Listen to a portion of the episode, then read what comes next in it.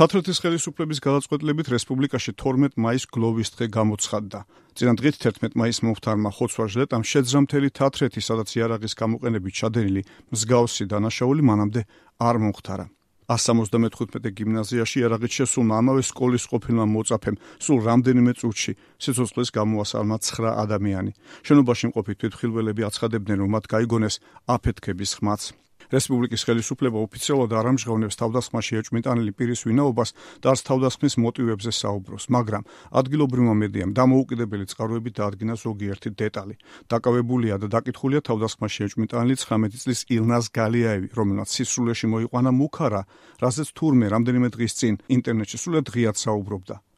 и именно в доме სწორედ ამ ილნაზის სახლში ჩატარდა ჩხრეკა, რადგან მან თავად განაცხადა, რომ მისი ბინა დანაღმულია, რასაც მოჰყვა მთელი შენობის ევაკუაცია. ამჟამად ცნობილია, რომ ისწავლობდა ამავე სკოლაში, დაამთავრა იგი და 4 წლის წინ მოეწყო ტექნიკუმში. იყო ჩვეულებრივი ბიჭი, წყნარი და მშვიდი, თითქმის არავის ჰქონდა ურთიერთობა. აპრილის ბოლოს მას უნდა ჩაეტარებინა გამოსაშვები გამოცდები, მაგრამ შეწყვიტა ტექნიკუმში სიარული, რის გამოც ის 24 აპრილს გარიცხეს სასწავლებლიდან. დაახლოებით ამავე დროს მან შეიძინა თოფი და ასევე მაისის დასაწყისში შექმნა საკუთარი ტელეგრამის არხი, რომელსაც დაარქვა ღმერთი. ანუ თავი გამოაცხადა ღმერთად და განაცხადა, რომ წავა და დახოცავს ხალხს.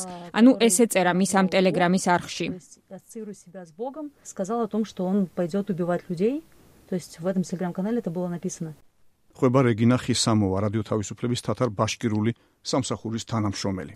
11 მაისის დილით კი ვიდრე საშინელ ტრაგედიას დაატრიალებდა 19 წლის ილნას გალიაევმა საკუთარი ტელეგრამის არხით გავცელა ცნობა, რომ მიდის დასახოცად. იქვე გამოაქვეყნა საკუთარი ფოტო სახეზე სამედიცინო ნიღბით, რომელსაც აწერია სიტყვა ღმერთი. ამჟამად ტელეგრამის არხი დაბლოკილია, თუმცა მანამდე მას გაესნო ჩვენი კოლეგა რეგინა ხისამოვა, რომელსაც გვიანბო ისიც თუ როგორ მოქმედებდა ილნას გალიაევი თავდასხმის წინ.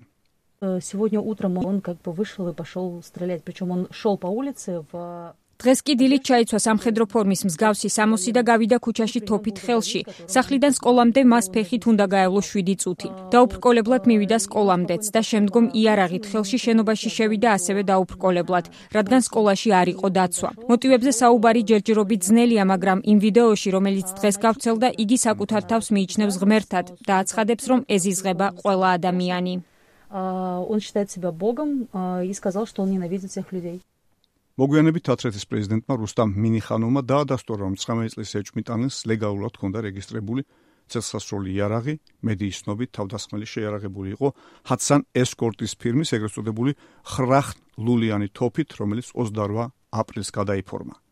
რუსეთის პრეზიდენტის პრესტივნის დმიტრი პესკოვის თანახმად თათრეთში დატრიალებულ ხოცვაჟლეტვის შესახებ ინფორმაცია ოპერატიულად მიაწოდეს რუსეთის პრეზიდენტ ვლადიმერ პუტინს, რომელსაც განკარგულება გასცა იარაღის შეძენის წესების გამკაცრების შესახებ. მაგრამ არც რუსეთის და არც თათრეთის ხელისუფლება არაფერს ამბობენ თავად სამართალდამცველი ორგანოების პასუხისგებლობაზე, რომელმაც ვერ მოახერხეს 11 მაისის თავდასხმის პრევენცია, რაზეც თავდამსხმელი რამდენიმე დღით ადრე, როგორც ემოთი თქვა, ინტერნეტის საშუალებით იმუქრებოდა.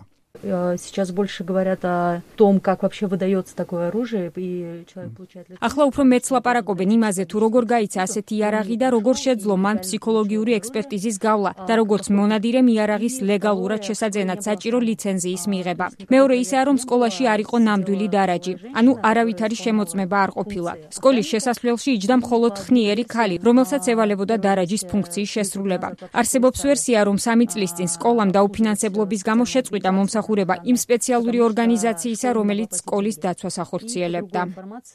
прекратили использовать такую службу специальную. ყვება რეგინა ხასიმოვა, რადიო თავისუფლების თათარ ბაშკირული სამსახურის თანამშრომელი. წესასწაული იარაღის გამოყენებით ბოლო წლებში რუსეთის სკოლებში რამდენიმე თავდასხმა მოხდა და როგორც წესი უმრავლეს შემთხვევაში ეს ხდებოდა მოსწავლეების ან ყოფილი მოსწავლეების ორგანიზებით. 2014 წელს მოსკოვში მეათე კლასელმა სერგეი გორდეევმა, რომელიც შაშხანით იყო შეარაღებული, გეოგრაფიის მასწავლებელი მოკლა და მძევლად აიყვანა თანაკლასელები. მოგვიანებით თავდამსხმელმა ცეცხლი გაუხსნა შემთხვევის ადგილზე მისულ ორ პოლიციელს ერთი მოკლა და მეორე დაჭრა. 2017 წელს დაღესტნის სოფელ აგვალის საშუალო სკოლაში მოწაფე მიიტანა ქუჩაში ნაპოვნი ხელყუმბარა და მეგობრების გასულელების მიზნით ის დასაშინებლად კომპიუტერულ კლასში შეაგდო. აფეთქების შედეგად დაიღუპა ერთი და დაიჭრა 13 მოწაფე. 2019 წელს ბლაგოვიაშჩენსკის კოლეჯში ადგილობრივმა სტუდენტმა ცეცხლსასროლი იარაღით მოკლა ამავე კოლეჯის სტუდენტი და შემდეგ თავი მოიკლა. ამ ჩამონათვალში ყველაზე უფრო შემზარავე რუსეთის მიერ ანექსირებულ ყირიმის ქალაქ ქერჩში 2018 წელს მომხდარი მკვლელობა. 18 წლის ვლადისლავ როსლაკოვმა 3 წლის წინ სასასროლი არაღით 20 ადამიანი დახოცა.